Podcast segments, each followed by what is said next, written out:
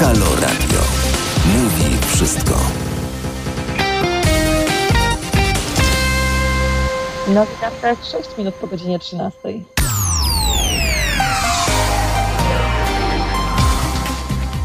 Dzień dobry, dzień dobry, witam Państwa serdecznie w tą piękną, słoneczną środę. Ja nazywam się Agata Skrzypczyk i zapraszam Państwa serdecznie na audycję Halo Tu Ziemia. Audycję poświęconą e, kwestiom e, zielonej transformacji, e, zrównoważonego rozwoju, zmian klimatu, ekologii, wszystkiego, co się z tym łączy. Będę dzisiaj z Państwem przy mikrofonie do godziny prawie 15. Tematy jak zwykle ciekawe. Dzisiaj dzień 31 marca. Cóż, 90 dzień, 90 dzień roku w naszym kalendarzu imieniny obchodzą Joanna Cornelia Baldina Bonaventura, cóż za piękne imię. Dzisiaj również Święto Wolności na Malcie, ale też obchodzimy Międzynarodowy Dzień Widoczności osób, osób transpłciowych. Wczoraj z kolei był w autonomii palestyńskiej obchodzony, obchodzone święto ziemi również na całym świecie przez Palestyńczyków mieszkających e, na całym świecie, ale to wczoraj, ale za chwilkę już opowiem o tym, dlaczego o tym teraz wspominam.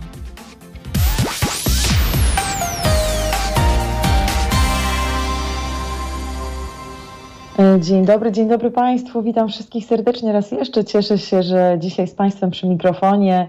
E, mam nadzieję, że słuchają dzisiaj Państwo Halo Radio. Nawet w tej pogodnej aurze możecie sobie e, wziąć telefon, telefon na zewnątrz i, i słuchać nas oczywiście za pomocą internetu.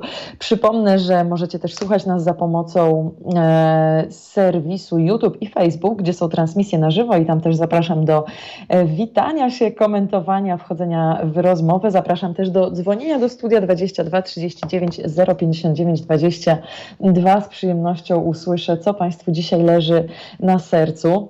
E, tematów dzisiaj naprawdę co niemiara. Dużo tematów e, związanych z ekologią, dużo tematów związanych ze zrównoważonym rozwojem, które ja mam e, w głowie, o których chciałabym Państwu dzisiaj opowiedzieć. Zobaczymy, mm, co nam się uda i z czym zdążymy, bo też jak zwykle mamy ciekawych gości. No właśnie, wspomnę tylko o tym, czemu wspomniałam o tym, e, zanim, zanim e, Państwu przedstawię dzisiejszych gości, powiem, co dzisiaj, co dzisiaj czeka to wspomnę tylko o tym, skąd ten e, właśnie wczorajszy Dzień Ziemi, który jest obchodzony przez Palestyńczyków i przez Arabów mieszkających w Izraelu właśnie 30 marca. Gdzieś tam jest błędnie podana informacja w polskim internecie, że to jest 31 marca, ale nie, to jest, to jest 30 marca. Chodzi tutaj, jest to dzień, który upamiętnia wydarzenia z 1976 roku, które oczywiście były częścią konfliktu palestyńsko-izraelskiego. I był to dzień, kiedy kiedy Palestyńczycy, Arabowie e, mieszkający w Izraelu zjednoczyli się, żeby przeciwstawić się izraelskiej policji właśnie w ramach tego konfliktu. I ten dzień jest obchodzony e, na całym świecie jako właśnie Land Day, czyli taki Dzień Ziemi Palestyńskiej, żeby właśnie upamiętnić to zjednoczenie, które w 1976 roku nastało. To jest też bardzo ciekawy przyczynek. E, być może kiedyś e, poświęcę dłuższą część audycji na ten temat, żeby właśnie rozważyć, w jaki sposób ten konflikt palestyńsko-izraelski ma, też przeciera się ze zmianami klimatu. E, Palestyna jest e, jednym z miejsc na świecie z najmniejszą ilością wody per capita, z najmniejszą ilością wody na osobę mieszkającą w tym kraju. Rzeczywiście jest to wyjątkowo, wyjątkowo suchy region. I pomimo tego, że Palestyna jest rzeczywiście położona nad wodą, jeśli weźmiemy pod uwagę też to e, terytorium właśnie Izraela, które, które okupuje Palestynę, to mimo wszystko ponad połowa zasobów Palestyny, zasobów wodnych jest kontrolowana przez Izrael. Palestyna głównie, głównie e, wydobywa korzysta z wody gruntowej i właśnie te studnie są w dużej mierze kontrolowane przez Izrael. Z drugiej strony ponad połowa tej wody jest też wykorzystywana do rolnictwa w Palestynie, które też faktycznie jest kontrolowane częściowo przez tego okupanta. I w zeszłym roku, nie wiem czy Państwo pamiętają, to już było w czasie pandemii koronawirusa, e, Izrael przechodził ogromne fale upałów, które też by spowodowały pewne E, pewne mm, oswobodzenie tych przepisów związanych z noszeniem maseczki, bo rzeczywiście to były upały zupełnie nie do zniesienia i też wywołały pożary w kraju. Więc Izrael zmaga się w, dużym, w dużej mierze z niedoborem wody już teraz i opiera właśnie swoje zasoby wody o terytorium Palestyny. E, I ten konflikt wygląda na to, że coraz bardziej będzie się przenosił w konflikt związany ze zmianami klimatu i z suszą. Niestety Palestyna tutaj jest zdecydowanie mniej uprzywilejowanej pozycji z racji tego, że po prostu Izrael ma większą siłę, którą ten, ten region i zasoby naturalne kontroluje. E, chciałam właśnie przy okazji tego Dnia Ziemi o tym, o tym, o tym wspomnieć. Jest to bardzo ważny temat, e, nawet w ten sposób tylko krótko. Poza tym, co dzisiaj? E, no właśnie, dzisiaj tematy, które poruszam dosyć często, czyli energetyka i woda. E, tematy bliskie naszemu podwórku.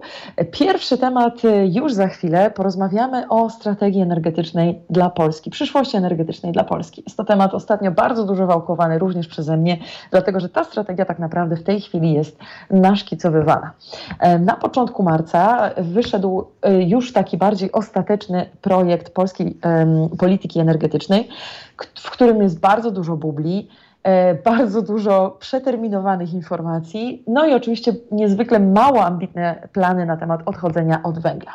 Omówimy trochę to z moim pierwszym e, gościem, Pawłem Czyżakiem, z ekonomistą z Fundacji Instrat, ale przede wszystkim porozmawiam z nim o raporcie, którego jest właśnie autorem.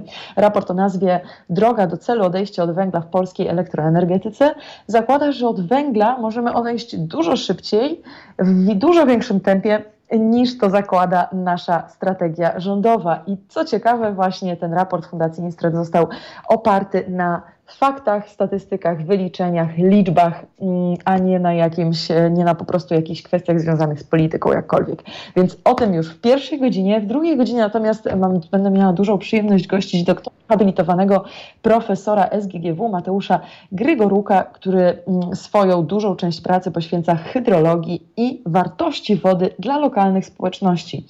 I właśnie o tym porozmawiamy z punktu widzenia bardziej um, naukowego, socjologicznego o wartości tej wody.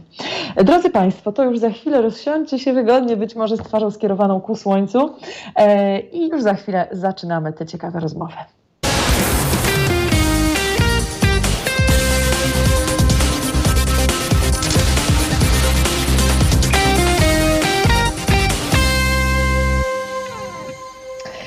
Drodzy Państwo, wracamy już po przerwie. Przypomnę i serdecznie zaproszę do komentowania naszej transmisji na YouTube i na Facebooku, gdzie jest e, zazwyczaj na żywo podgląd ze studia. Akurat e, w tej chwili podgląd e, z Kopenhagi, z której ja właśnie nadaję. Można też pisać nas maile, teraz małpa halo.radio, ale też dzwonić na antenę 22 39 059 22 w przypadku, jeśli na przykład mają Państwo pytania do naszego pierwszego gościa, czyli Pawła Czyżaka, ekonomisty e, Fundacji Instrat. E, cześć, dzień dobry panie Pawle. Cześć, dzień dobry. Dzień dobry, dzień dobry. Serdecznie gratuluję e, publikacji fantastycznego raportu Droga do celu, odwejście od węgla w polskiej energetyce. Naprawdę, naprawdę świetna robota i cieszę się, że, że jest to przyczynek do tego, żebyśmy mogli porozmawiać tutaj na antenie.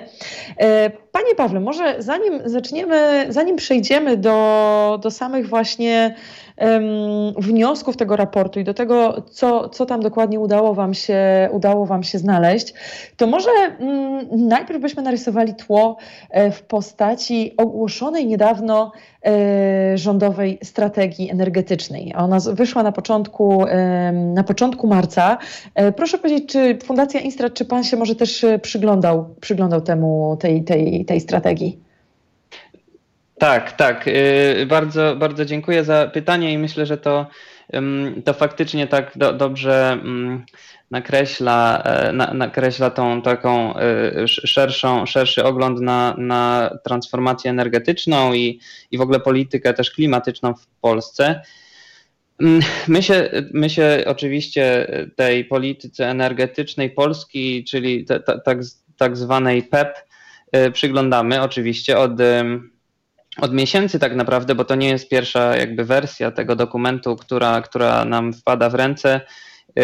To jest y, dokument, który mm, jakby pierwsza w ogóle taka właśnie polityka energetyczna Polski powstała w 2009 roku. To była jakby pierwsza uchwalona wersja i, i potem przez kolejne 12 lat czekaliśmy na jej aktualizację, więc podkreślam to dlatego, że jakby to pokazuje, jak, e, jak dużo lat nam upłynęło bez jakiejś takiej zauważalnej aktualizacji działań w tym, w tym obszarze i bez takiego strategicznego myślenia o w ogóle rozwoju polskiej, polskiej energetyki.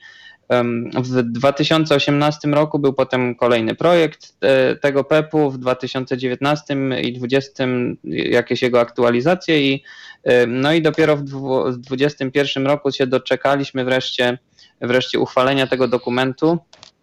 On wbrew temu, co przynajmniej ja bym oczekiwał, nie zmienił się znacząco w stosunku do projektu z roku 2018. I dlaczego to jest ważne? Ten, mm, te ostatnie trzy lata, czy dwa lata właściwie, były dla, dla y, i dla Polski, i dla Unii Europejskiej bardzo ważne, jeśli chodzi o, o zmiany właśnie w tym sektorze energetycznym.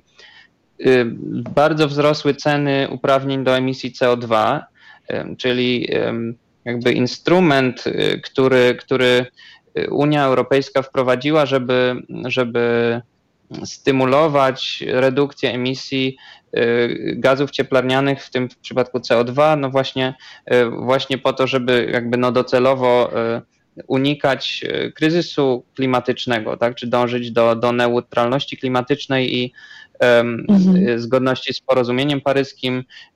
Ten właśnie ten mechanizm uprawnień, uprawnień do emisji, no to jest taki mechanizm, który, który ma zmuszać na przykład właścicieli elektrowni y, na węgiel, y, żeby, żeby mm, coraz mniej tych emisji e, wytwarzali. I te ceny tych uprawnień y, właśnie w latach 2018-2020 bardzo mocno wzrosły. To z kolei przełożyło się właśnie na kłopoty finansowe sektora energetycznego. Y, I to nie zostało tak naprawdę w PEP-ie uwzględnione. I to jest mój pierwszy, może taki jeden z większych zarzutów do tego dokumentu. Y, to znaczy, że on już w momencie jego uchwalenia czy też publikacji jest mocno po prostu nieaktualny, nieadekwatny w ogóle do tej sytuacji, którą, y, którą w tym sektorze mamy. Drugi zarzut to mhm. jest właściwie powiązany to w 2020 roku Unia Europejska zrewidowała swoje cele klimatyczne na 2030 rok, y, to znaczy zwiększyła ambicje, ambicje w tym obszarze i zwiększył się cel redukcji emisji CO2, z tym się będą wiązały też y, większe ambicje, jeśli chodzi o rozwój OZE. I to też nie zostało w tym, w tym, w tym PEP-ie uwzględnione. To znaczy, że on proponuje ścieżki, które stoją wprost w sprzeczności z całym unijnym y, jakby polityką klimatyczną, z całym tym pakietem y, legislacji unijnej, który, który ma całą wspólnotę prowadzić właśnie do neutralności klimatycznej. PEP jest pod tym względem, y, no nie, nie odpowiada w ogóle na, na, na, na te zmiany prawa unijnego i wręcz jest jeśli faktycznie Polska realizowałaby tą ścieżkę, którą PEP proponuje, to, y, to sami zaprzepaścilibyśmy cel dla całej wspólnoty. To znaczy, Polska mhm. sama generowałaby więcej energii z węgla niż, y, niż ocenia się, że mogłaby generować cała wspólnota w 30 roku, żeby być w zgodzie z tymi właśnie celami y, wspólnotowymi. Więc tak jakby ciężko, ciężko jest zrozumieć, dlaczego, e, dlaczego te, te właśnie unijne e, ambicje i ramy prawne w ogóle zostały w tym dokumencie pominięte. Ciężko sobie wyobrazić, jak, jak ten dokument miałby być wprowadzony w życie w takiej sytuacji, e, jak Komisja Europejska miałaby się na niego zgodzić, tudzież na jego konsekwencje, czyli na przykład finansowanie publiczne sektora węglowego, Mhm. No pod tym względem zupełnie te, te, ten PEP zupełnie nie odpowiada właśnie temu, co się dzieje e, w, w Unii i e, no i oceniamy go jako fundacja dosyć negatywnie. No właśnie, wspomniał Pan, odniosę się tylko tutaj do, do paru kwestii, żeby też nasi, nasi słuchacze mieli szerszy ogląd. Wspomniał Pan chociażby o właśnie cenach za emisję, które są nieadekwatne. Ja to tylko tutaj też e, wyjaśnię, że e, według właśnie autorzy, autorzy tej polskiej PEP-u, e, tak jak Pan to nazwał, przewidują, że Mm, że emisje miały, mają mieć cenę 40 euro za tonę emisji w 2040 roku, a tymczasem w tej chwili już w tym roku sięgnęło one 41 euro za tonę, więc właśnie to są bardzo już zupełnie nieaktualne dane. E, z drugiej strony też, e, tak jak Pan wspomniał, te cele związane z redukcją węgla są bardzo, e, bardzo mało ambitne. Trochę to wygląda tak, jakby twórcy, autorzy tej polityki energetycznej żyli trochę w jakiejś alternatywnej rzeczywistości, w której na pewno e, wspólna polityka energetyczna Unii Europejskiej nie istnieje. E, I zastanawiam się, zastanawiam się, co teraz z, z tą polityką energetyczną. Czy ona w jakiś sposób ma zostać zrewidowana przez Unię Europejską? Czy Unia czy może się do niej jakoś odnieść, mieć jakieś zastrzeżenia, czy niestety będziemy skazani e, na, na ten dokument? I czy rzeczywiście to ma to duży, mhm. dużą, du, duży jakby e, dużą siłę później oddziaływania na to, ten, ten polski sektor energetyczny? No właśnie, to też druga kwestia. Tak, może to jest właśnie dobry punkt wyjścia e, w tej rozmowie, bo czy to ma duży wpływ na, na energetykę polską? Moim zdaniem i nie tylko moim, jeśli jeśli dokument wychodzi w takiej formie i, i od początku jest krytykowany właściwie przez jakby niezależnie od y, opcji politycznej, czy też od y, przez środowiska pozarządowe, partie polityczne, ekspertów, jakby szerokie grono osób zainteresowanych tematem, no to oznacza, że jego, jego faktyczna wartość jest bardzo ograniczona on po prostu nie przedstawia tego, co się będzie działo, ani tego, co się dzieje, i w związku z tym prawdopodobnie jego przełożenie na rozwój sytuacji będzie żadne. To, to, to niestety, i tak jak podkreślam, to nie jest tylko moje zdanie. Dlatego, mhm. Dlatego trochę jakby przykro, że, że ten wysiłek został podjęty i skierowany jakby w taką stronę, bo bo wszyscy oczekiwaliśmy y, oczywiście jakiegoś bardziej ambitnego y, jak, pomysłu w ogóle na polską energetykę. Mm, jeśli chodzi o Komisję Europejską, w ogóle o Unię Europejską, teoretycznie akurat ten dokument jest y, dokumentem wewnętrznym, to znaczy on nie jest nie musi być opiniowany przez y, Komisję Europejską.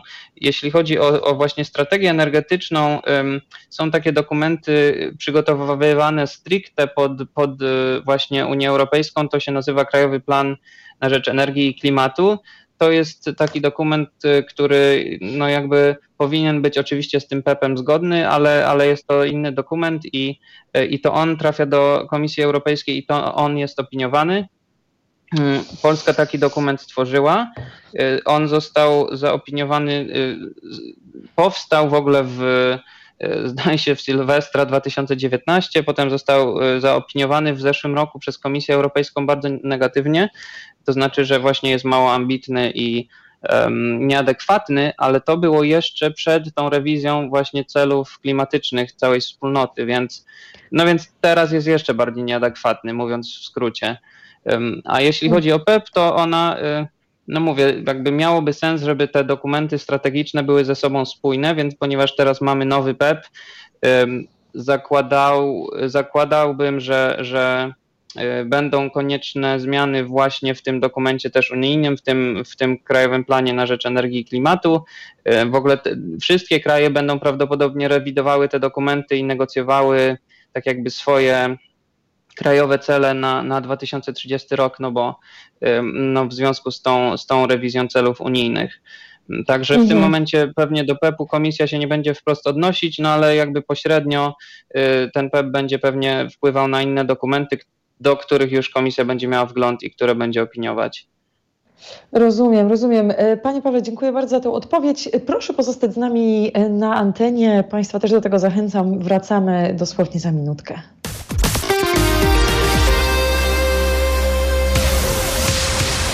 To jest Halo Dzień.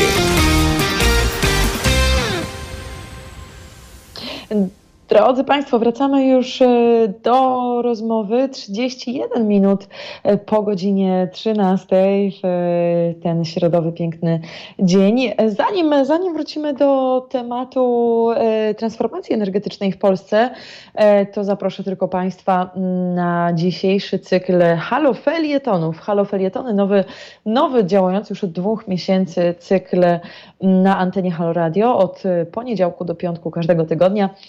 E, I zaproszę Państwa do słuchania felietonistek i felietonistów w dniu dzisiejszym. Powiem tylko, co będzie, e, co będzie dzisiaj e, w rozkładzie. O 14.50 felieton Jarosława Włodarczyka, o 18.50 felieton Joanny Szeurik-Wielgus, o 20.50 felieton Janusza Daszczyńskiego, o 22.50 felieton Jarosława Włodarczyka. Serdecznie Państwa Zapraszam do słuchania. Przypomnę jeszcze też na naszym czacie na YouTubie i na Facebooku i numer telefonu na antenę Halo Radio 22 39 059 22.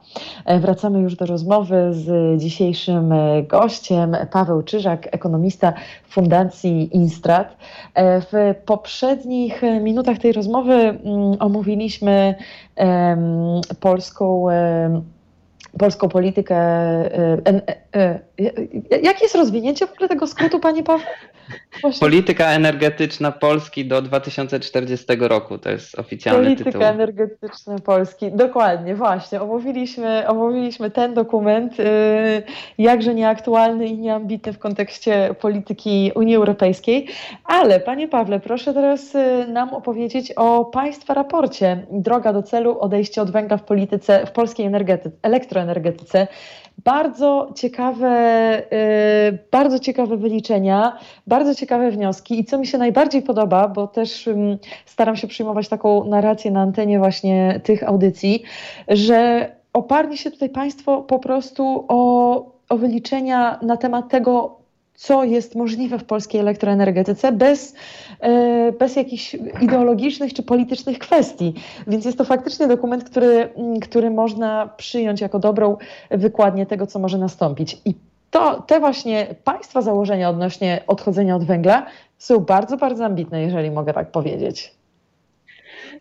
No, dziękuję i bardzo mi, mi miło to słyszeć mogę chętnie opowiem w skrócie, jakie, jakie te wyniki y, uzyskaliśmy, ale y, też dziękuję, że Pani podkreśla, y, bo to, takie właśnie było nasze założenie, żeby to nie był do końca dokument ideologiczny, to znaczy właśnie jakiś mm, ponad realnie ambitny, e, tylko że żeby był dosyć pragmatyczny, taki wynikający mhm. raczej z zasad po prostu ekonomii, z tego ile faktycznie chociażby uda się upchnąć wiatraków na polskiej ziemi, e, a, a mniej z takich odgórnych założeń, więc, część z tych wniosków no, wyszła po prostu w czasie liczenia, mogę o tym wspomnieć, ale mhm. nie była przeze mnie na, nawet oczekiwana, ale e, no ale wyszło co wyszło, więc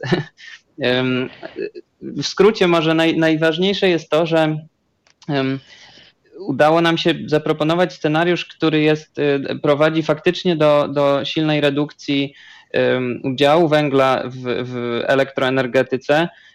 Ten udział w tej chwili to jest 70%, czyli elektrownie węglowe wytwarzają, elektrownie i elektrociepłownie węglowe y, wytwarzają 70% energii elektrycznej w Polsce. U nas y, w 2030 roku ten, ten udział spada do 13%, więc to jest bardzo silna redukcja.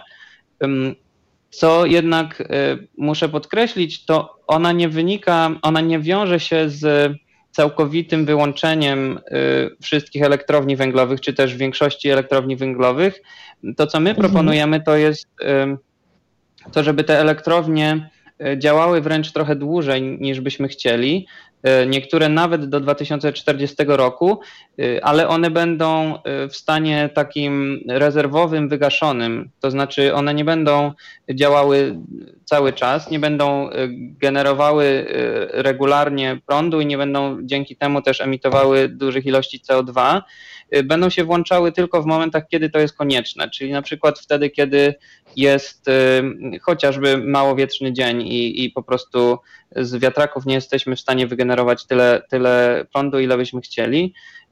Więc mhm. to jest takie podejście trochę być może nowatorskie w, w Polsce, bo często się łączy, jakby wiąże się te daty właśnie odejścia od węgla w taki twardy sposób, że jeśli odchodzimy od węgla w 30 roku, to wyłączamy po prostu wszystkie elektrownie i koniec. My proponujemy takie bardziej hybrydowe rozwiązanie i, i ono pozwala na to, żeby właśnie mocno zredukować emisję CO2 do 30 roku, żeby być w zgodzie z tymi celami klimatycznymi Unii Europejskiej, ale z drugiej strony y, zapewnia y, utrzymanie bezpieczeństwa energetycznego, nie, y, jakby nie zagraża temu, że, że nagle nie będzie prądu, bo właśnie warunki pogodowe będą niesprzyjające. Mm, także to jest nasz główny postulat y, i, i tak jak mówię, y, udział węgla w produkcji energii elektrycznej bardzo spada i to się wiąże też z 59% redukcją emisji CO2 Y, w stosunku do 2015 roku. To jest y, o tyle ważne, że że według właśnie szacunków Komisji Europejskiej cała wspólnota musiałaby zredukować te emisje o 70% w elektroenergetyce, więc ten nasz scenariusz no prawie osiąga tą wartość. No ciężko oczekiwać niestety, żebyśmy byli jakby dobili do tej średniej unijnej, no bo, bo punkt taki powiedzmy startowy mamy trochę gdzie indziej niż inne kraje, ale, mhm. Y, ale jednak warto mieć aspiracje i, y, i, i warto dążyć do tego, żeby mm, żeby chociaż trochę y, jakby się do tego wysiłku wspólnego dołączyć, bo inaczej to w tej chwili to jest trochę tak, że, no, że, że cała wspólnota płaci za, za to, co za te powiedzmy o, ociąganie się Polski, jeśli chodzi o politykę klimatyczną, więc, e, mhm. więc stąd taka, taka propozycja. I, I ona, aha, to jeśli chodzi o redukcję emisji CO2, ważne jest też to, że to, ta nasza redukcja, ta nasza propozycja jest dwukrotnie szybsza niż, niż PEP 2040. Czyli tam ta wartość aha. to jest 25%, u nas to jest 59% redukcji mhm. Panie Pawle, zastanawiam się tutaj, rzeczywiście, tak jak Pan wspomniał, jest to dosyć nowatorskie podejście zakładania, że, że, że pewne elektrownie węglowe zostaną w postaci rezerwy. W wielu różnych analizach zakłada się rezerwy y, gazowe, które mają wesprzeć OZE, a tutaj rozumiem, że to też pewne rozwiązanie e, właśnie może bardziej ekonomiczne pozostania, pozostawienia tej infrastruktury, która istnieje. A proszę po powiedzieć, mam tutaj dwa pytania. Jak ten miks elektroenergetyczny w Państwa analizie by wyglądał? Z czego, z którego źródła e, pochodziłaby jaka część energii elektrycznej? A z drugiej strony, och, to drugie pytanie mi umknęło, ale zaraz. To, to może właśnie, to pierwsze, a ja sobie, mhm. ja sobie przypomnę, o co jeszcze chciałam spytać. Właśnie, jakby Pan mógł to, to nakreślić? Y, dobrze, dobrze. Y, jeszcze odniosę się do tego gazu, bo to jest być może ważne i to jest właśnie jedna z tych rzeczy, która nam jakby wyszła, a nie, nie którą planowaliśmy. To znaczy, y, jeśli chodzi o elektrownie gazowe, to po prostu mm, widzieliśmy, że, że one w, w latach 30. będą generowały stosunkowo mało energii elektrycznej. Po prostu tempo rozwoju OZE odnawialnych źródeł jest na tyle duże, że no, wiatraki czy też energia słoneczna wypycha y, energetykę konwencjonalną y, i takich elektrowni gazowych po prostu nie ma sensu włączać. Więc, więc w naszym modelu było ich całkiem dużo, ale one się nie włączały, w związku z tym nie ma, jakby nie ma możliwości, żeby takie inwestycje się zwróciły. I z, z tą taką ekonomiczną narracją poszliśmy po prostu dalej i no bo, no bo każdy inwestor, tak jak mieliśmy na przykład przy, przy okazji elektrowni Ostrołęka C, był projekt budowy elektrowni węglowej, która no wszelkie analizy pokazywały, że, że nie będzie opłacalna i, e, i jak być może Państwo wiedzą, teraz mamy dwa duże słupy w ziemi, które, e, które kosztowały dużo pieniędzy, ale no nie chcemy do tego doprowadzić też przy elektrowniach gazowych, które znowu zaczęłyby na przykład być budowane, a potem nie byłyby użytkowane. Mhm. Jeśli przechodząc do tego miksu energetycznego, to w, w 2030 roku 76% e, e, energii elektrycznej pochodziłoby z odnawialnych źródeł energii, 13% z węgla, 11% z gazu. I wśród tych odnawialnych źródeł energii oczywiście mamy energię wiatrową i energię słoneczną, y, które dominują. W szczególności energia wiatrowa na lądzie y, i na morzu y, to są takie główne, główne komponenty tego miksu energetycznego. Mamy też trochę biomasy i trochę biogazu i oczywiście trochę elektrowni wodnych, które, które tak jakby mamy w systemie. To nie jest duży, duży komponent, ale, ale, ale jest. Także tak to wygląda, jeśli chodzi o tą strukturę miksu energetycznego. Rozumiem i y, rozumiem, że w tym wypadku kierowali się Państwo y, po prostu właśnie rachunkiem ekonomicznym, tak? Uwzględniając właśnie też y, spadek, cały czas postępujący spadek ceny inwestycji właśnie w energetykę odnawialną. Rozumiem, że z rachunku ekonomicznego właśnie wyszło Państwu, że taki udział dosyć spory w porównaniu do tego, co jest w tej chwili OZE w polskim miksie elektroenergetycznym, jest właśnie tym najbardziej opłacalnym rozwiązaniem, tak?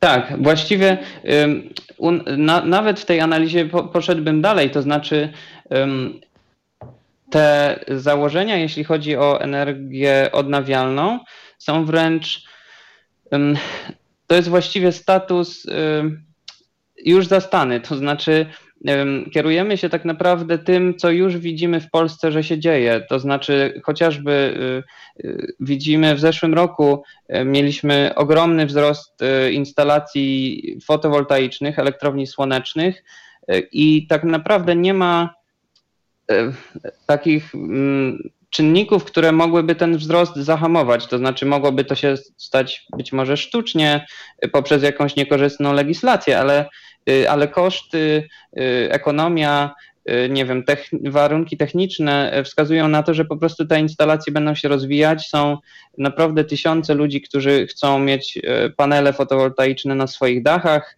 Są setki inwestorów, którzy chcą budować mm, farmy fotowoltaiczne, więc, więc jakby ten wzrost jest trudny do zahamowania w tym momencie. I to samo dotyczy energii wiatrowej. W tej chwili ona jest zahamowana przez y, tak zwaną ustawę antywiatrakową, ale, ale jak tylko ta y, ustawa zostanie znowelizowana, liczymy, że to może się stać w najbliższych tygodniach nawet, to są już kolejki chętnych, żeby, żeby te projekty wiatrowe rozwijać. Dlatego w tym momencie nie ma już wątpliwości co do tego, że węgiel nie jest opłacalny, po prostu te elektrownie nie są rentowne i, i to słychać chociażby w wypowiedziach y, przedstawicieli spółek energetycznych. Tak. I, i, I, to jest jedna kwestia, druga taka, że właśnie OZE, OZE stało się na tyle konkurencyjne cenowo, że że właściwie nie, no nie ma powodu, żeby zatrzymywać jakby jego rozwój, żeby zakładać, że ono się będzie rozwijało znacząco wolniej niż to miało miejsce już w polskiej historii w zeszłych latach. Mhm.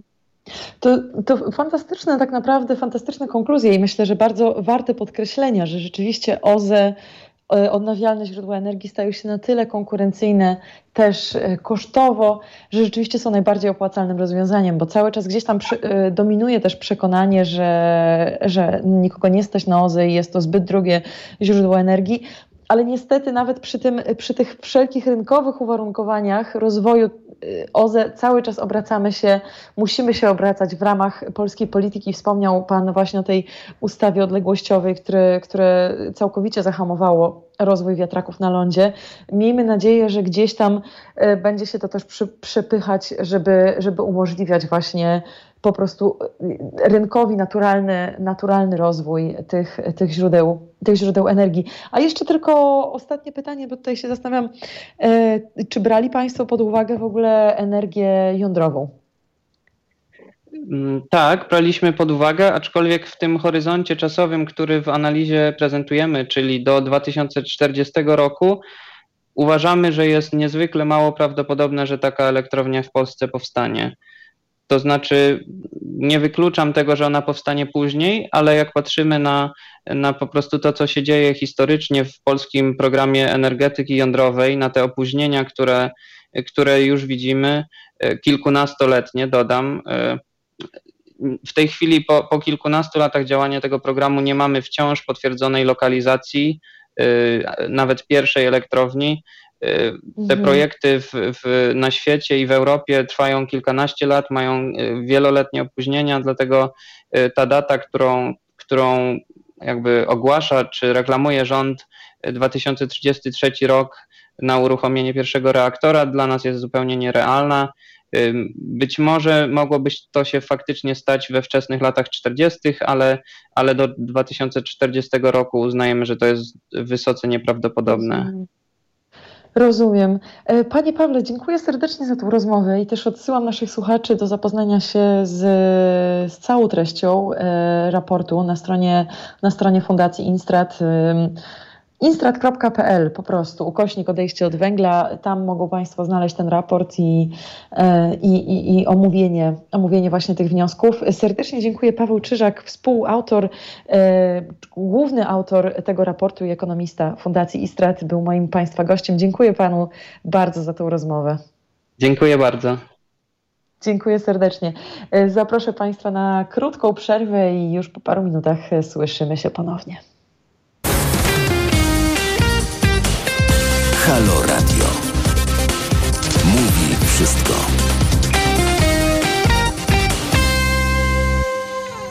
Mm, wracamy już e, po przerwie.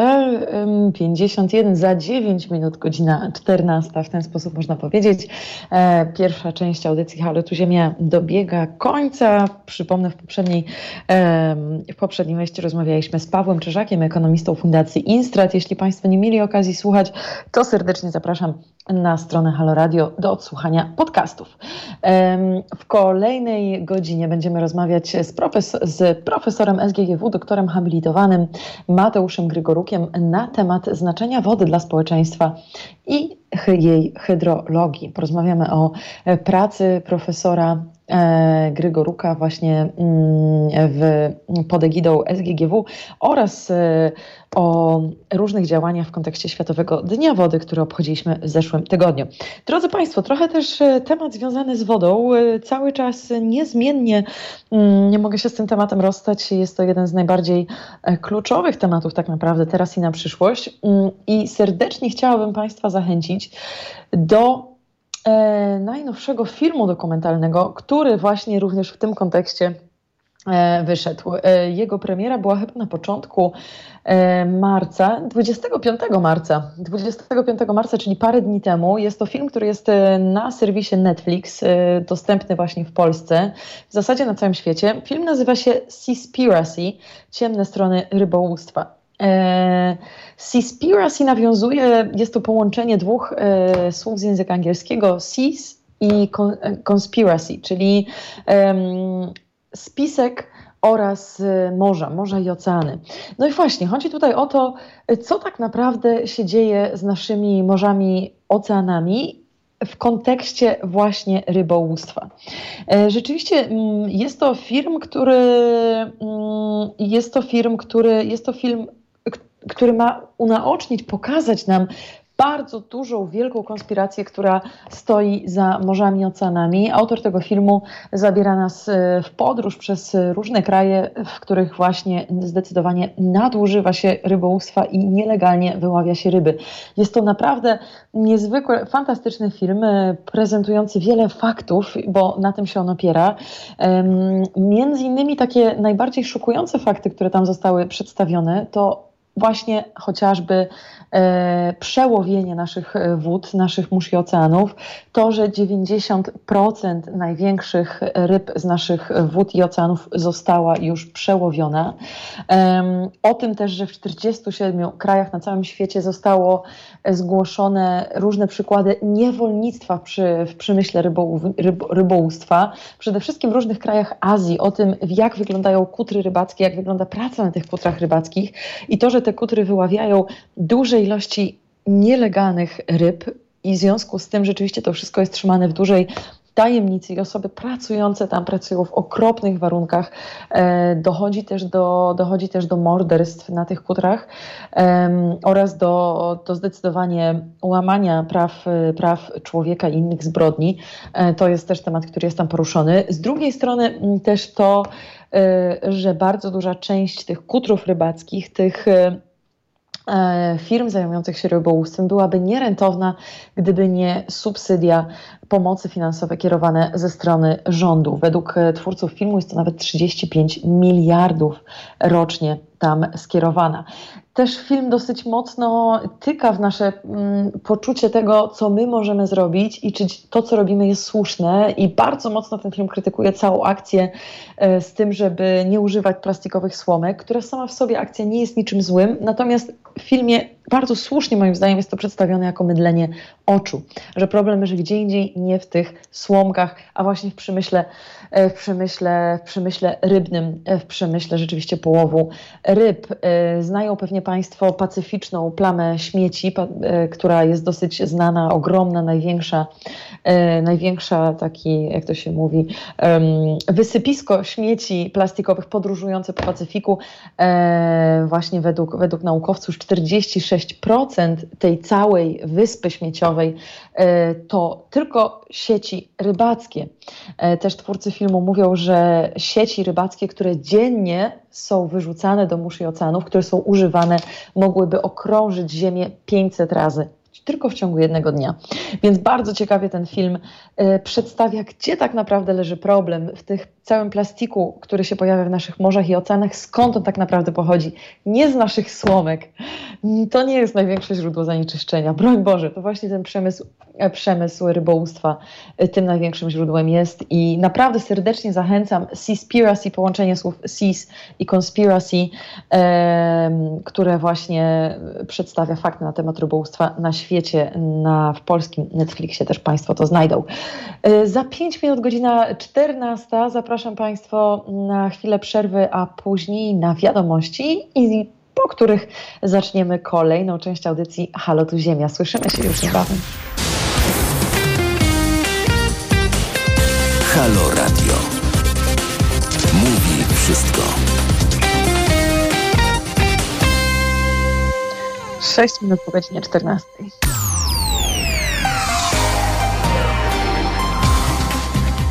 Dzień dobry Państwu, nazywam się Agata Skrzypczyk. Nadal jestem z Państwem przy mikrofonie. Druga godzina audycji Halo Tu Ziemia właśnie w tej chwili się rozpoczęła. Dzisiaj 31 marca, 90 dzień tego roku, do końca roku 275 dni jeszcze pozostało. Dzisiaj imieniny obchodzą m.in. Joanna i Cornelia, ale też bardzo ładne imię Bonaventura E, co oznacza dobry los. Nie znam nikogo o tym imieniu, ale naprawdę, naprawdę bardzo ładne. E, dzisiaj na Malcie obchodzimy Święto Wolności, ale też Międzynarodowy Dzień Widoczności Osób Transpłciowych.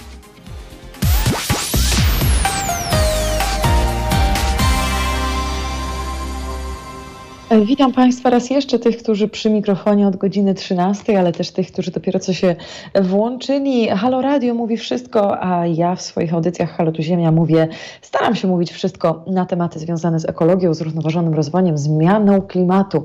E, coś, co ma jeden z największych wpływ na zmianę klimatu, to energetyka, e, jeśli chodzi o emisję gazów cieplarnianych do atmosfery, a z drugiej, i to był pierwszy temat tej audycji, a z drugiej strony procesy naturalne związane z wodą, e, po których z kolei te skutki zmiany klimatu niezwykle widać. I to będzie drugi e, temat tej dzisiejszej, e, dzisiejszej rozmowy. Już za chwilę, za parę minut połączymy się z doktorem habilitowanym, profesorem SGGW Mateuszem Grygorukiem. Jestem bardzo podekscytowana tą rozmową w kontekście też znaczenia naturalnych habitatów wodnych mm, dla właśnie fauny i flory, dla zachowania integralności naszego, naszego środowiska, więc o tym już za chwilę.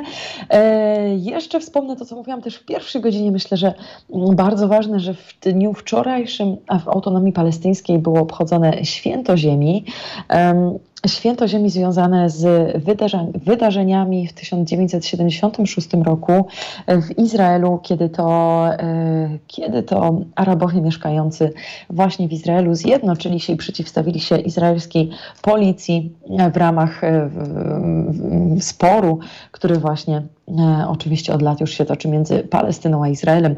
Mówiłam też o tym w pierwszej audycji, ale powtórzę to, powtórzę to jeszcze przy, dla tych Państwa, którzy nie słuchali, właśnie przy okazji tego wczorajszego palestyńskiego święta ziemi.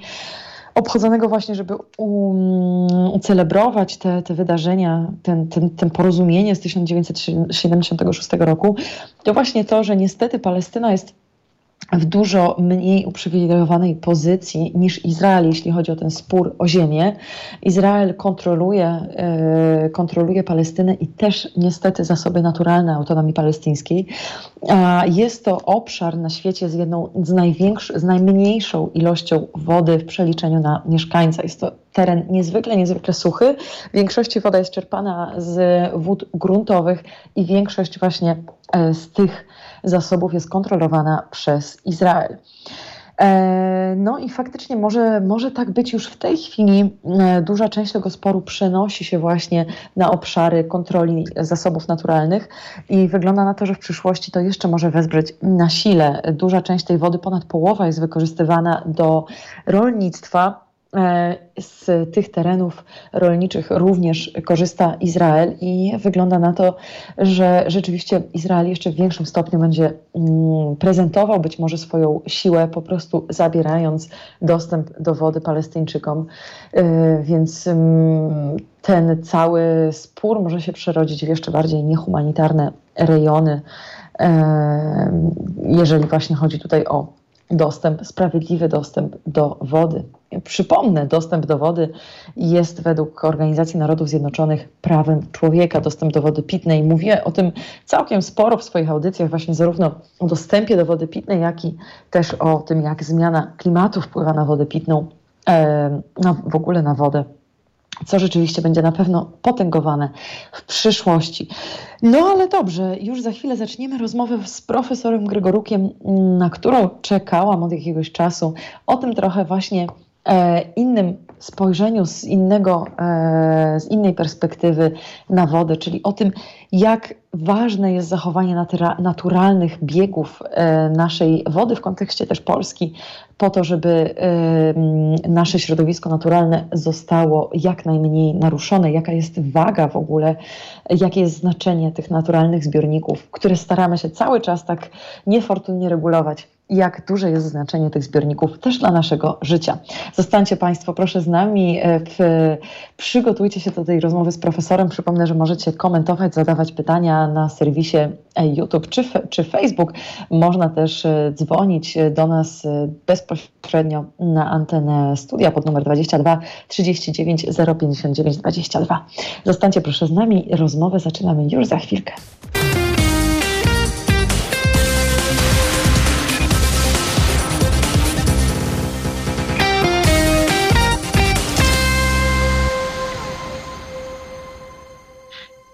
Jesteśmy już e, po przerwie, Agata Skrzypczyk nadal przy mikrofonie. Przypomnę Państwu, że mogą Państwo komentować e, na bieżąco naszą, naszą rozmowę, naszą audycję przy transmisji na serwisie YouTube i Facebook, ale też mogą Państwo wysłać nam maila teraz małpahalo.radio lub też zadzwonić bezpośrednio na antenę Halo Radia 22 39 059 22. Zaczynamy już kolejną rozmowę naszej audycji w kontekście wody, wody w Polsce i jej naturalnego lub też już nie do końca naturalnych zbiorników. Rozmawiamy z doktorem habilitowanym profesorem SGGW Mateuszem Grygorukiem. Dzień dobry panie profesorze. E, dzień dobry pani, dzień dobry państwu. Dzień dobry, dzień dobry. Dziękuję serdecznie za przyjęcie zaproszenia do, do audycji. Bardzo mi miło Pana słyszeć. Panie profesorze, profesorze, zacznę może od takiego ogólnego pytania. Jak wyglądają zasoby wody w Polsce? Wydaje się, myślę, że z zewnątrz może się wydawać, że Polska jest zielonym krajem, który długo, długo nie będzie miał żadnych problemów z wodą czy większymi suszami. Czy to jest prawda? Y, to znaczy, y, nie wiem, czy, czy mnie teraz słychać, bo tutaj pan y, słychać. realizator mówił przed chwilą, że są jakieś problemy.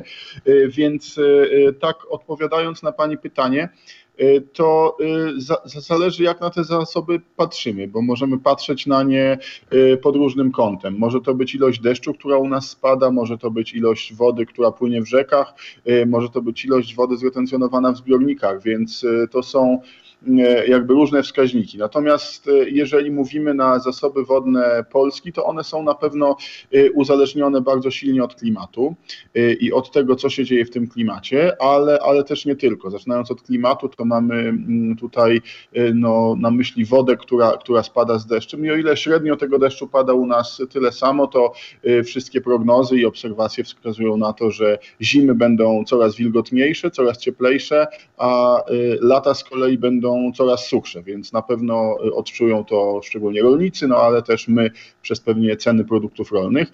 Y, z drugiej strony to są mm, metody zarządzania tą wodą, czyli to jest właśnie ta, ta, ta nasza słynna regulacja rzek, która, która tam kiedyś się wydarzyła i, i, i mówienie o niej jest, jest też trudne.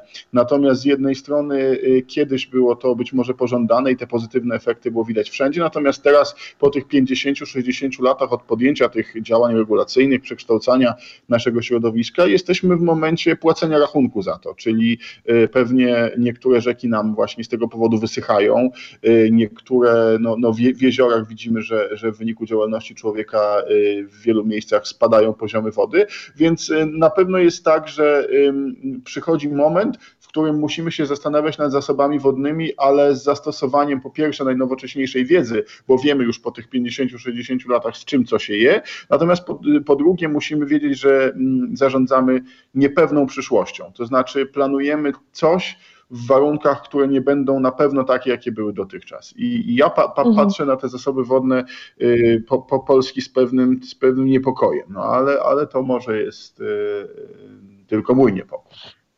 No właśnie, czyli Pan mówi tutaj o y, latach podejmowania złych decyzji. Dopiero się być może niedawno zorientowaliśmy, jak bardzo to wpłynęło właśnie na te, na te naturalne ekosystemy, na te naturalne y, habitaty wodne. A czy te czy ta sytuacja jest do odwrócenia? Czy możemy, bo jedna kwestia to jest to, jak zmiany klimatu wpływają oczywiście, prawda, na zasoby wody, a z drugiej strony, tak jak Pan wspomniał, nasze działania. Oczywiście odwrócenie zmian y, klimatu jest to proces y, dużo, dużo szerszy, nie do udźwignięcia tylko przez nas, ale kwestia tych naszych działań, tych naszych regulacji właśnie naturalnych zbiorników wodnych, czy w momencie, kiedy mm. zaczniemy to jakoś odwracać, to natura gdzieś tam zacznie, zacznie wracać do siebie, że tak powiem? Mm, mm, ja bym przede wszystkim y, odwrócił troszeczkę tą pani kwestię i powiedziałbym, że y, my chronimy przyrodę nie po to, żeby ona była. My chronimy tą przyrodę dla siebie.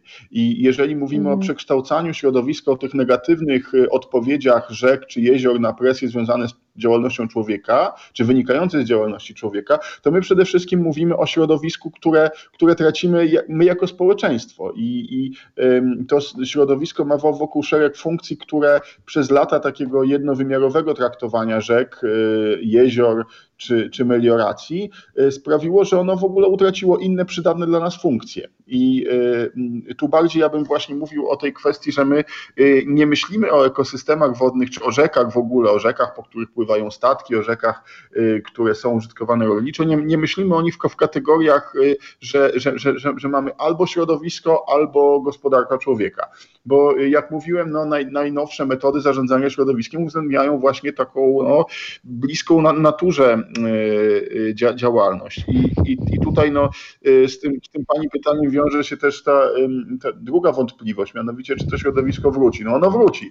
Są szacunki. Mm że gdyby człowiek przestał w ogóle funkcjonować, to y, środowisko potrzebowało jednego pokolenia, żeby odbudować swoją y, różnorodność biologiczną. Natomiast to może nie wybiegając tak da daleko i tak y, w tak głęboką teorię, są badania prowadzone na rzekach, na których były zapory, funkcjonowały przez wiele lat, natomiast po pewnym czasie te zapory zostały usunięte i to środowisko się tam odradza, więc, więc na pewno pewien potencjał do odrodzenia jest. Natomiast im dłużej oddziałujemy negatywnie, tym trudniejszy będzie powrót. A zajmował się też Pan w swojej, w swojej pracy między innymi współtworzeniem raportu o renaturyzacji e, właśnie tych polskich zasobów wodnych. Zastanawiam mm. się, w jaki sposób ten proces może wyglądać. Czy on już przebiega? A jeżeli, a jeżeli nie, to w jaki sposób on może przebiegać w przyszłości? Renaturyzacja rzek, bo, bo, bo, o tym mogę się wypowiadać, bo, bo nad tym najwięcej pracowałem. Jest to y, proces bardzo długotrwały i on polega na przywracaniu rzekom pewnych, y, natu, znaczy może nie naturalnych elementów, ale przy, przywracaniu rzekom ich funkcji przyrodniczych.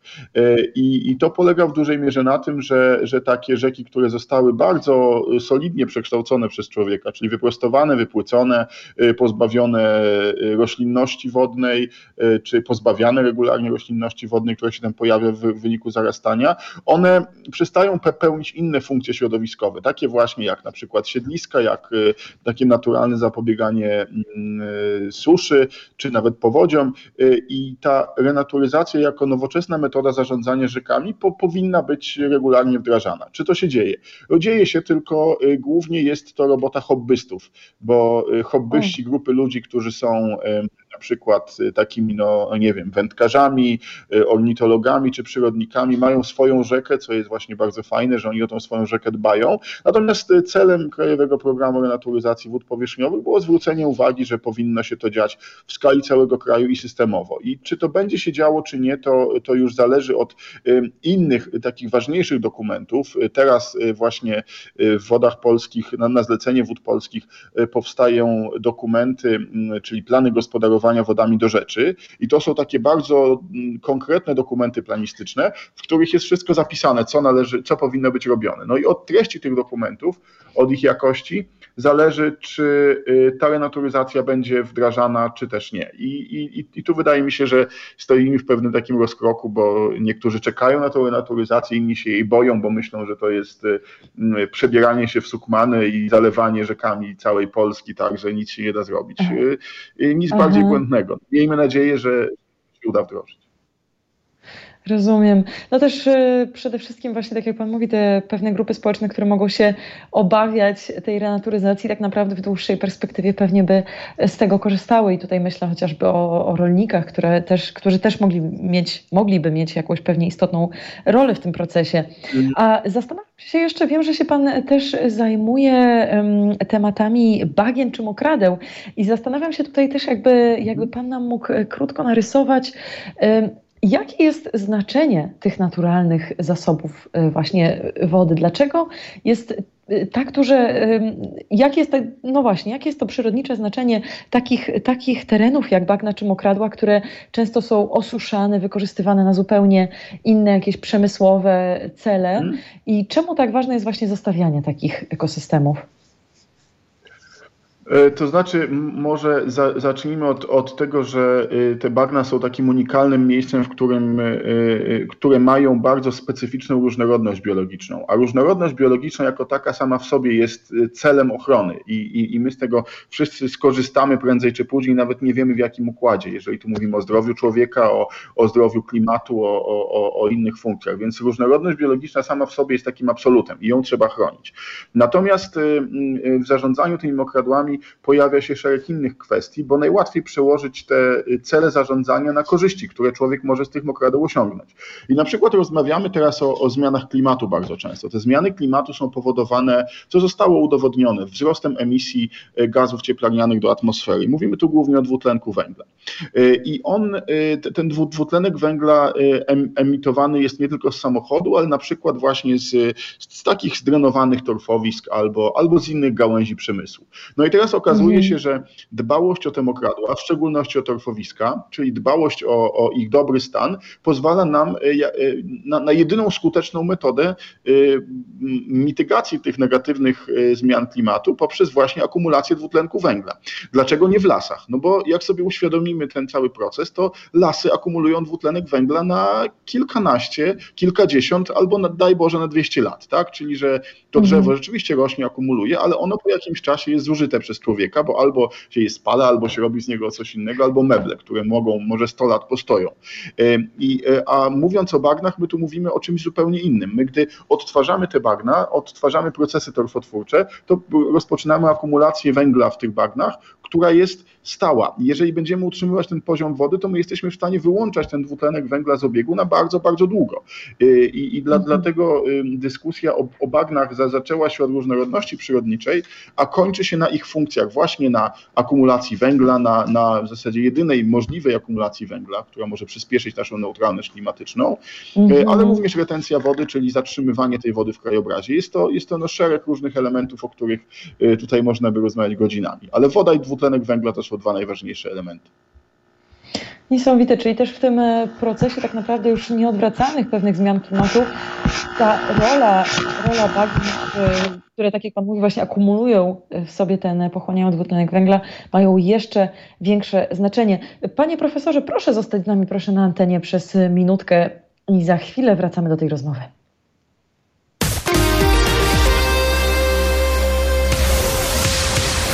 Słuchacie Halo Dnia w Halo Radio.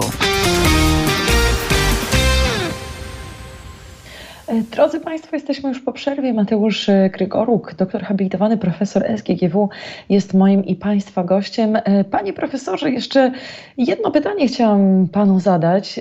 Jak Pana zdaniem wygląda przyszłość tych zasobów wodnych w Polsce? Czy myśli Pan, że polska polityka mm, jakby rozpoznaje już ten problem i wagę też tych zasobów wodnych w Polsce i myśli Pan, że rzeczywiście działania w kierunku renaturalizacji będą postępować? Czy, czy mamy się czego obawiać, czy raczej optymistycznie mhm. możemy na to patrzeć?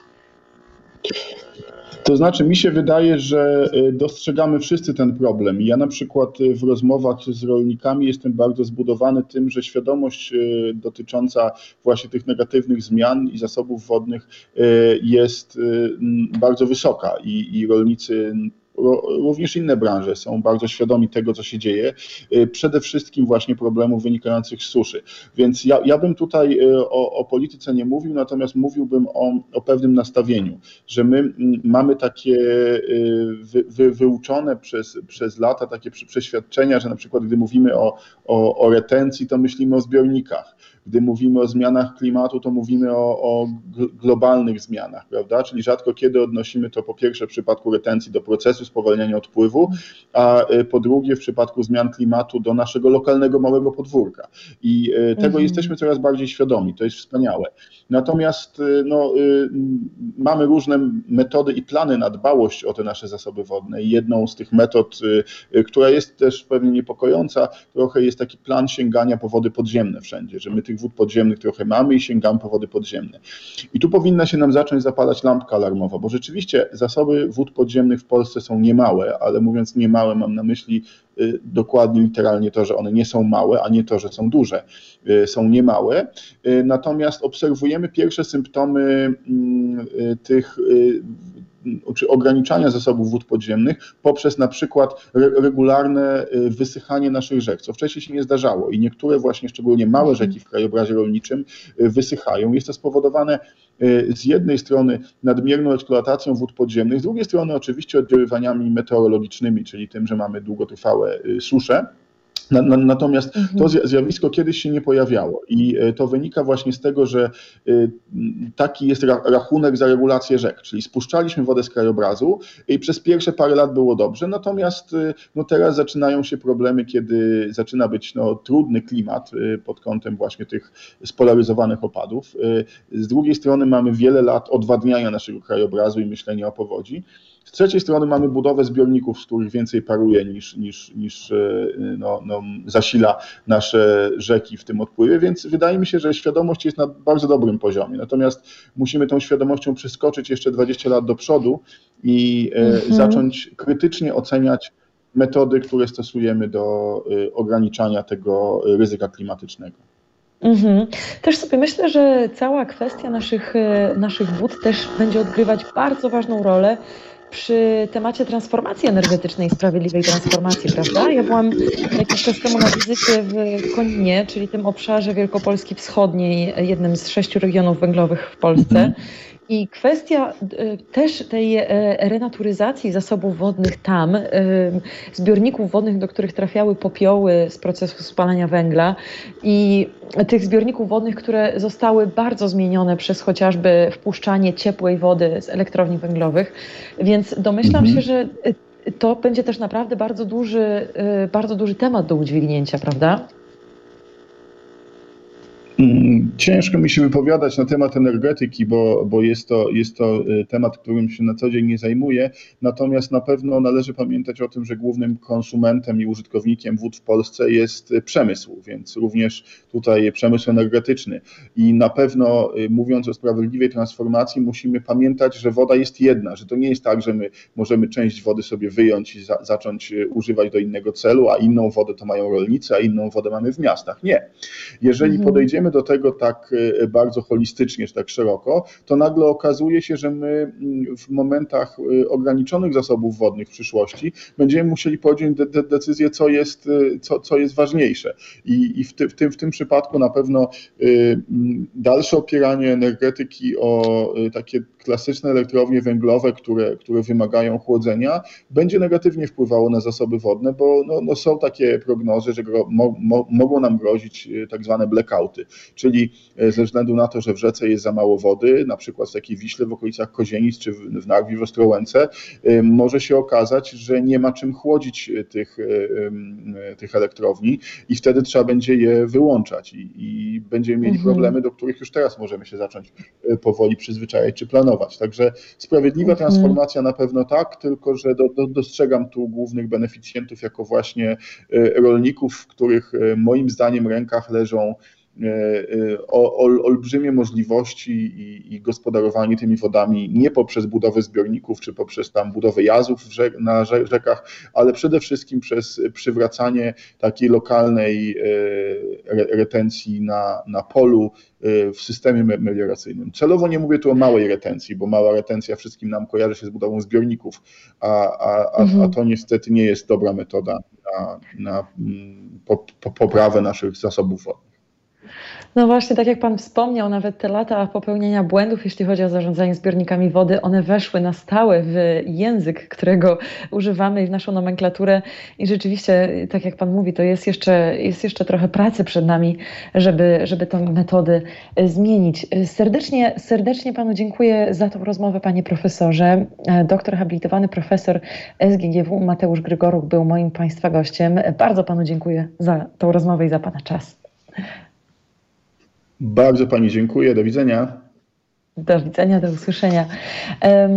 No właśnie, bardzo ciekawie tutaj wspomniał Pan Gregorów. Myślę, że to Myślę, że to jest też prawda na przyszłość, że zmniejszające się zasoby wody w Polsce też są pewną lekcją z takiej współ, współodpowiedzialności i e, z humanitarności, jeśli, jeśli chodzi o nadawanie priorytetom, e, gdzie ta woda powinna być wykorzystywana. Większość wody, tak jak pan profesor wspomniał, jest wykorzystywana w Polsce przez przemysł i energetykę. E, I jeżeli te tematy, o których dzisiaj mówiliśmy, zarówno właśnie transformacja energetyczna, jak i woda, one się ze sobą łączą, bo jeżeli tu transformację energetyczną zaczniemy w odpowiednim czasie, e, to, e, to rzeczywiście ten problem z gospodarowaniem wody będziemy mieli mniejszy w przyszłości niż mielibyśmy teraz. No, tak jak e, mój pierwszy gość Paweł Czyżak z Instrat, z Fundacji Instrat wspomniał, ponad 60% mm, polskiego miksu e, elektroenergetycznego może e, stanowić, e, mogą stanowić odnawialne źródła energii i zarówno wiatraki, jak i panele słoneczne, one do swojej pracy i do produkcji energii nie wymagają żadnych zasobów wody, żadnych. Oczywiście jest potrzebna woda do ich powstania, ale to do powstania każdego źródła energetyki ta woda jest potrzebna. Natomiast tak jak do przypadku chłodzenia elektrowni węglowych e, wykorzystywana jest ogromna ilość wody, tak tutaj do OZE nie jest. Więc jest to na pewno też kierunek e, w, właśnie w kontekście oszczędzania, oszczędzania wody. I faktycznie tej współodpowiedzialności i humanitarnego nadawania priorytetom. Zresztą wczorajsze święto, wczorajsze święto wody, e, wczorajsze święto ziemi w autonomii palestyńskiej, o którym wspomniałam, też właśnie jest przyczynkiem do zastanowienia się e, na temat zmian klimatu w tym regionie i tego, że zdecydowanie mniej uprzywilejowana pozycja Palestyny w sporze z Izraelem sprawi, że ta walka o wodę może być w regionie, może być przez nich przegrana.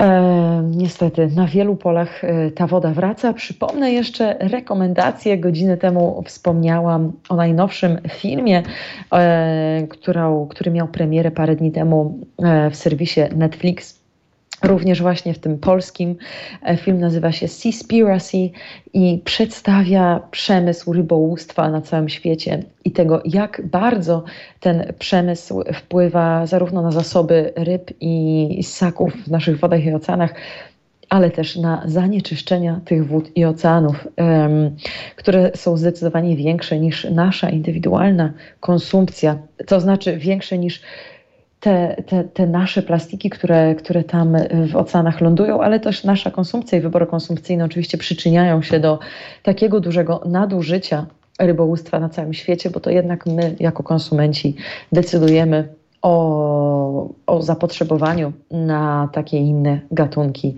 gatunki ryb, jak chociażby tuńczyki czy, czy łososie, które są przeławiane na całym świecie jako jeden z najbardziej wiem, z, z najbardziej popularnych gatunków przez konsumentów. Także zapraszam serdecznie do obejrzenia tego filmu Seaspiracy. Być może też pozwoli to spojrzeć e, krytycznie na naszą własną konsumpcję i wybory, które rzeczywiście się do tego przyczyniają. Nie jest to łatwy film, nie jest to na pewno e, przyjemny i lekki film, ale nadal można otworzyć do niego chipsy i obejrzeć w piątkowy wieczór. Jest, jest do przełknięcia na pewno.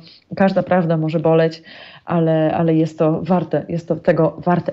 Drodzy Państwo, Prawie za 15 minut, godzina 15, audycja Halo tu Ziemia w tym dzisiejszym wydaniu zbliża się do końca. Mam nadzieję, że e, podobały się te wybrane przeze mnie subiektywne tematy i że mm, e, wynieśli Państwo z tej audycji coś dla siebie i pewną wiedzę, którą być może będziecie przekazywać dalej, bo na tym się to wszystko e, właśnie zasadza, na tym, co możemy sobie przekazać na tej wiedzy i świadomości. E, to jest najważniejsze, żeby jakiekolwiek zmiany mogły mieć miejsce. E, ja nazywam się Agata Skrzypczyk, z przyjemnością prowadziłam z Państwem tą audycję. Zapraszam już w tej chwili na kolejne wydanie Halo Tu Ziemia w następną środę 7 kwietnia, czyli już po świętach Wielkiej Nocy. E, teraz już oddaję pałeczkę koledzy redakcyjnemu redaktorowi Mariuszowi Rokosowi, ale słyszę, że ma go nie być, ale na pewno ktoś go zastąpi i poprowadzi halo aktualności w dniu dzisiejszym. E, serdecznie dziękuję raz jeszcze. Życzę Państwu bardzo dobrego, słonecznego popołudnia e, w tą środę i do usłyszenia już za tydzień.